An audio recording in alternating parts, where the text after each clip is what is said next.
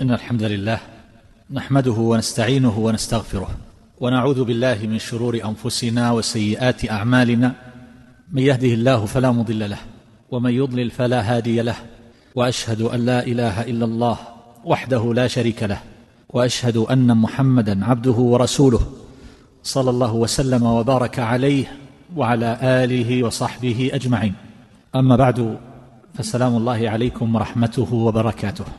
أيها الأحبة حديثنا في هذه الليلة إن شاء الله يدور مع قوله تبارك وتعالى واتقوا فتنة لا تصيبن الذين ظلموا منكم خاصة فهذا أمر من الله جل جلاله لعباده أن يتقوا الفتن. تلك الفتن التي تعم الجميع ولربما أصابت الصالح والطالح. ولم يسلم منها رجل ولا امرأة ولا كبير ولا صغير. وهذا الحديث أيها الأحبة أحب أن يتسع النظر فيه من أجل أن ندرك أن الفتن لا تختص بنوع لربما يكون فيه حروب وما إلى ذلك من الشرور والقتال بين الناس. فهذا لون من ألوان الفتن العظيمة ولكن الفتن أوسع من هذا معنى ومفهوما ومن ثم فإن العبد ينبغي أن يدرك أنه لربما لا ينفك من ملابسة الفتن في يومه وليلته فيحتاج إلى الحذر الدائم والتوقي التام والصبر على طاعة الله وطاعة رسوله صلى الله عليه وسلم والتقوى وما إلى ذلك من الأمور إذ إن الفتنة تعني الابتلاء والاختبار تعني ما يقع للإنسان ويعتوره مما يبين به حاله وينكشف عنه مصيره ومآله من الخير والشر. ولهذا أيها الأحبة جعلت الفتنة كالبلاء حيث صارت بمفهومها الأوسع تعني ما يدفع إليه الإنسان من شدة ورخاء وإن كان ذلك يستعمل في الشدة أكثر من استعماله في الرخاء. ولكن الله تبارك وتعالى يقول ونبلوكم بالشر والخير فتنة وإلينا ترجعون. فنحن نقلب في هذا البلاء أيها الأحبة صباح مساء بين خير تحبه النفوس وتقبل عليه وتلتذ به وتسر وبين أمور مكروهة لربما كان ذلك من المصائب والآلام ولربما كان في أمور أخرى لا يدركها كثير من الناس. ولهذا فإن الكثيرين لربما يتساءلون عن أنفسهم أو عن غيرهم وربما عن بعض أهل الفضل والصلاح سواء كان أولئك من الجيل الأول من أصحاب رسول الله صلى الله عليه وسلم أو من غيرهم حيث لا يعرفون عن بعض هؤلاء أنه ابتلي وفتن. والواقع أن الابتلاء بالمعنى الذي أشرت إليه لا ينفك منه أحد. فهذا جواب موجز يكفي طالب العلم للخروج عن مثل هذا السؤال والإشكال الذي يطرح بين حين وآخر. فالابتلاء أيها الأحبة كما دلت عليه هذه الآية يكون بالنعمة وبالغنى وبالمحاب كما أنه يكون بالشر والأمور التي تكرهها النفوس وتعافها وتأباها. فهذا تنوع في الفتنة من جهة كونها دائرة بين الخير والشر بين المحبوب والمكروه كما أنها أيضا تتنوع من حيث متعلق هذه الفتنة من جهة توصيفها. فقد تكون من قبيل الشبهة وقد تكون من قبيل الشهوة. ونحن نعلم أيها الأحبة أن النوع الأول أعني فتنة الشبهة أخطر وأشد أنها أعظم ضررا واثرا وفتكا سواء كان ذلك على مستوى الأفراد الذين يبتلون بها أو كان على سبيل المجتمعات. ولذلك تجد الواحد من هؤلاء الذين ابتلوا بفتنة الشبهات سواء كان ذلك في البدع المشهورة المعروفة التي لها جذورها في التاريخ وبقيت على أسمائها المعروفة أو كان ذلك مما يتفرع عنها أو عن بعضها في زماننا هذا مما قد يسمى أحيانا بفكر أو نحو ذلك مما يخالف الاعتقاد الصحيح.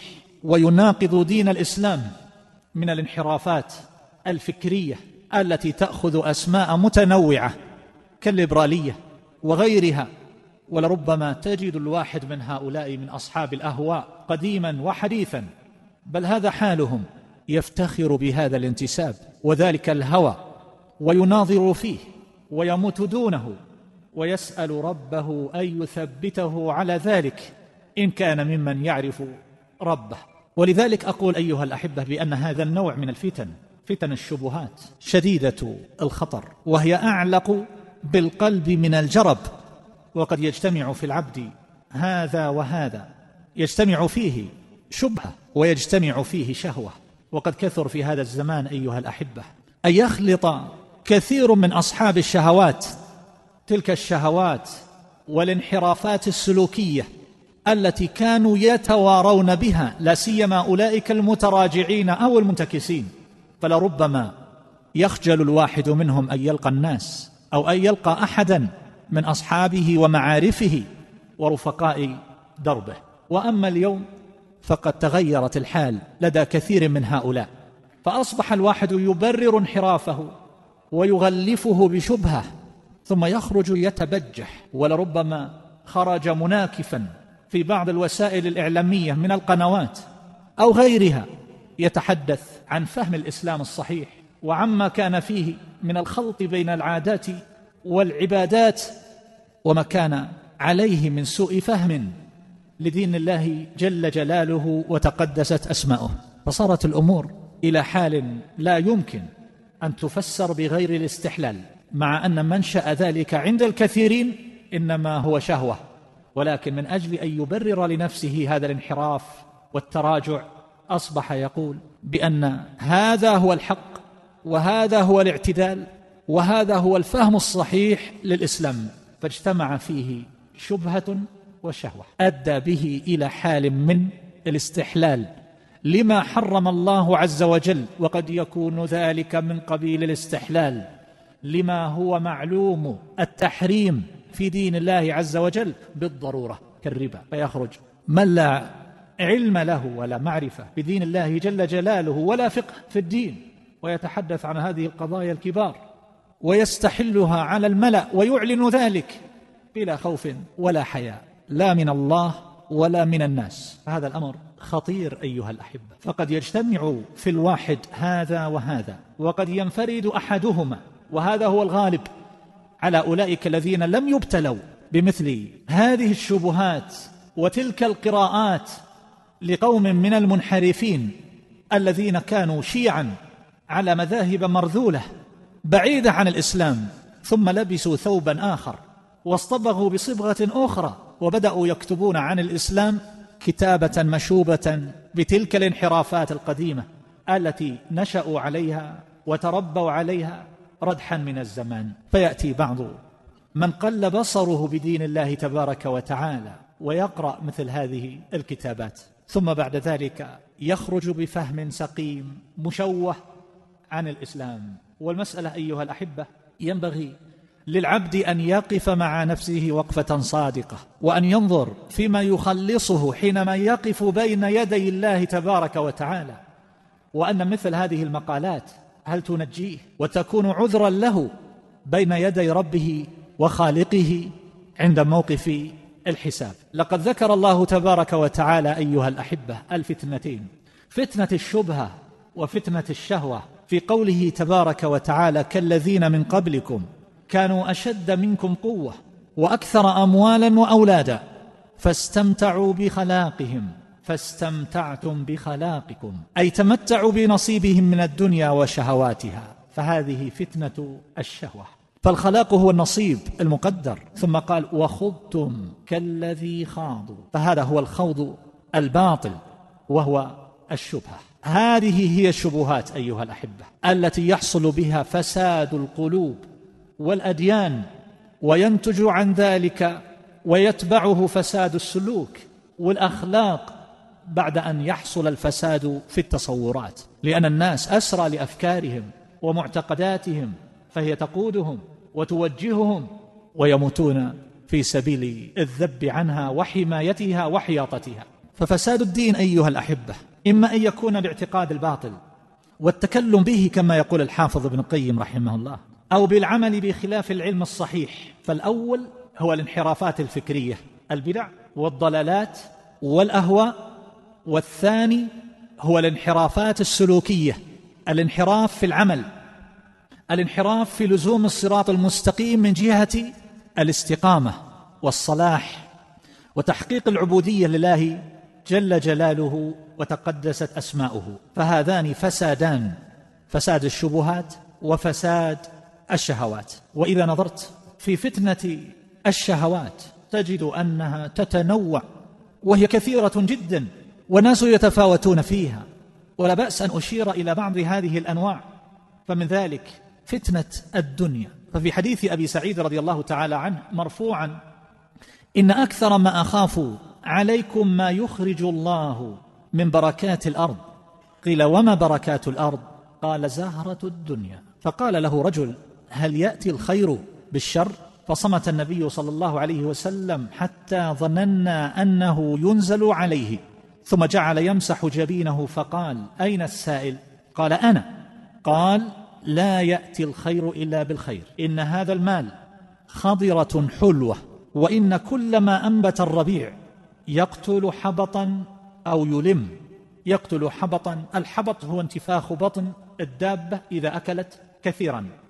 أو يلم أو يقارب إلا آكلة الخضرة أكلت حتى إذا امتدت خاصرتاها. استقبلت الشمس فاجترت وثلطت وبالت ثم عادت فأكلت وإن هذا المال حلوة. من أخذه بحقه ووضعه في حقه فنعم المعونة هو. ومن أخذه بغير حقه كان كالذي يأكل ولا يشبع. فالنبي صلى الله عليه وسلم ذكر أن أكثر ما يتخوف على أمته زهرة الدنيا. ما هي زهرة الدنيا؟ المال التنافس في الأموال التكاثر ألهاكم التكاثر. ومما يدخل في هذا التكاثر دخولا اوليا التكاثر في الأموال التكاثر في جمع الدينار والدرهم التكاثر في العقارات التكاثر في الدور والقصور والعمارات والمراكب والأثاث. وما أشبه ذلك فتنشغل القلوب به عن ربها ومليكها وخالقها وتنشغل عن الدار الآخرة. وجاء في حديث كعب بن عياض رضي الله عنه مرفوعا إن لكل أمة فتنة وفتنة امتي المال سماه فتنة ولكل أمة فتنة. فهذا المال أيها الأحبة يجعله يأخذ الرشا ويأكل الربا ويقتطع حقوق الآخرين ويقطع الرحم ويفعل كل قبيح ولا يقف عند حد ولا شرع بسبب غلبة الطمع. والله يقول وأحضرت الأنفس الشح. وقال ومن يوق شح نفسه فأولئك هم المفلحون. علق الفلاح بالوقاية من شح النفوس. وأضاف الشح إليها لشدة ملازمته لها. فكان الخلاص منها والوقاية أيها الأحبة سببا للفلاح. بل إن الله علق الفلاح به وجاء بالضمير الفصل بين طرفي الكلام لتقويته ومن يوق شح نفسه فأولئك إشارة للبعيد هم المفلحون وهذا يشبه الحصر كأنه لا مفلح لا يحصل الفلاح والفلاح هو إدراك المطلوب والنجاة من المرهوب من يوق شح نفسه وهذا الشح بناء على أي شيء؟ بناء على التشبث والتمسك في الدنيا والتعلق بها وجاء في حديث ابن عباس رضي الله عنهما مرفوعا إلى النبي صلى الله عليه وسلم أنه قال من سكن البادية جفا ومن اتبع الصيد غفل ومن أتى أبواب السلطان افتتن. ومن هذه الفتن أيها الأحبة فتنة النساء. وكلنا يعلم قول النبي صلى الله عليه وسلم ما تركت بعدي فتنة أضر على الرجال من النساء. لاحظ هناك فتنة أمتي المال الرجال والنساء. جميع الأمة. والله يقول زين للناس حب الشهوات من النساء فقدمها من النساء لأن شهوة النساء أعظم من شهوة المال. وإن الكثيرين لربما يحرص على المال ويجمعه لشهوتيه لشهوة الفرج وشهوة البطن. ولو نظر العاقل واعتبر لوجد أن ذلك أدنى ما في الإنسان وأحط ما في الإنسان وتكفي الإشارة عن كثير من العبارة. وأول ما ينتن في الإنسان بطنه. هذا الشبر المعدة. يسخر الإنسان القدر والإمكانات والذكاء والعقل والدراسة لربما عشرات السنين حتى يحصل المراتب العالية والشهادات المتقدمة. من أجل هذا الشبر. وأمه تمشطه وهو صغير. يذهب إلى الروضة وتمنيه وتذكره بالغاية العظمى والهدف الأسمى. هذا الشبر أن يكون كذا وأن يكون كذا. لا أن يتقي الله عز وجل أو أن يكون عالما من علماء الأمة أو أن يعمل ما فيه صلاح الأمة ونفعها في أي تخصص كان. لا. من أجل أن يحصل حظه وأن يحصل المال الكثير. فهكذا يربى الجيل. الحافظ بن حجر رحمه الله يعلق على قول النبي صلى الله عليه وسلم ما تركت بعدي فتنة أضر على الرجال من النساء.